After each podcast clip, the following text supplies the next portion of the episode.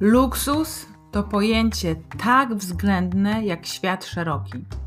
Dla znajomego z Filipin to dostęp do transportu publicznego. Koleżanka z Wietnamu ceni sobie ponad wszystko, że nie realizuje rodzinnego pomysłu na siebie. Mój kierownik dziękuję codziennie za to, że nie żyje w kraju, gdzie kamienują gejów i stać go na skórzaną torbę z Hugo Bossa. A dla mnie luksus to leżenie na trawie, 300 dni słonecznych w roku oraz piekarnik z nawiewem. Czyli zgodnie z powyższym, dużo mi nie potrzeba. Ale jak koleżanka chciała pozbyć się rozkładanego narożnika w kolorze fukcji, fuksji, to oboje podskoczyliśmy pod sufit.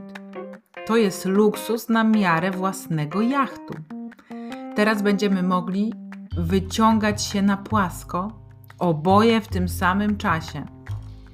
Przytarganie tego różowego luksusu w kawałkach zajęło dwie godziny. Zrobiliśmy około 10 kursów. Deszcz oraz brak auta nam nie przeszkadzały. Spodnie przemokły mi od pasa do kostek.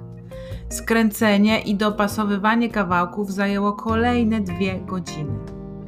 Po skończonej robocie staruszek wziął dwie kąpiele, odpalił Netflixa i wyłożył się jak długi.